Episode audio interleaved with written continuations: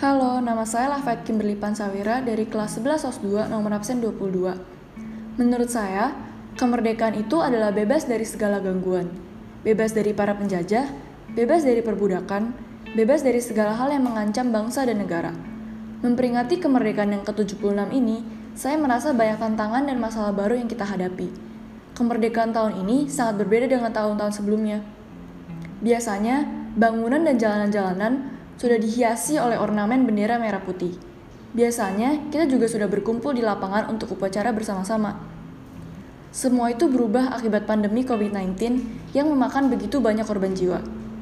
Saya merasa setiap orang perlu bersatu dan berjuang melawan virus ini, saling bahu-membahu dengan menanamkan nilai Pancasila. Pada kemerdekaan tahun ini, pemerintah menggunakan tema Indonesia Tangguh, Indonesia Tumbuh.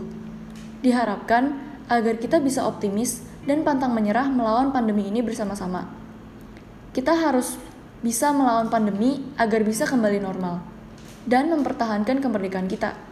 Seperti yang dikatakan Soekarno, perjuanganku lebih mudah karena melawan penjajah, tetapi perjuanganmu akan lebih sulit karena melawan bangsa sendiri.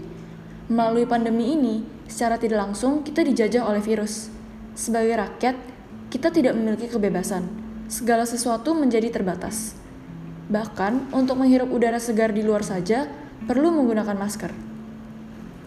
Kemerdekaan yang ke-76 kali ini, kita diharapkan untuk selalu optimis, mengingat kembali perjuangan para pahlawan yang tidak mudah, agar seluruh tumpah darah mereka tidak sia-sia.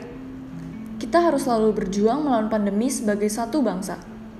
Mari kita buktikan bahwa kita kuat dan mampu, dengan sikap saling menghormati dan menghargai serta meminta pertolongan dari Tuhan Yang Maha Esa.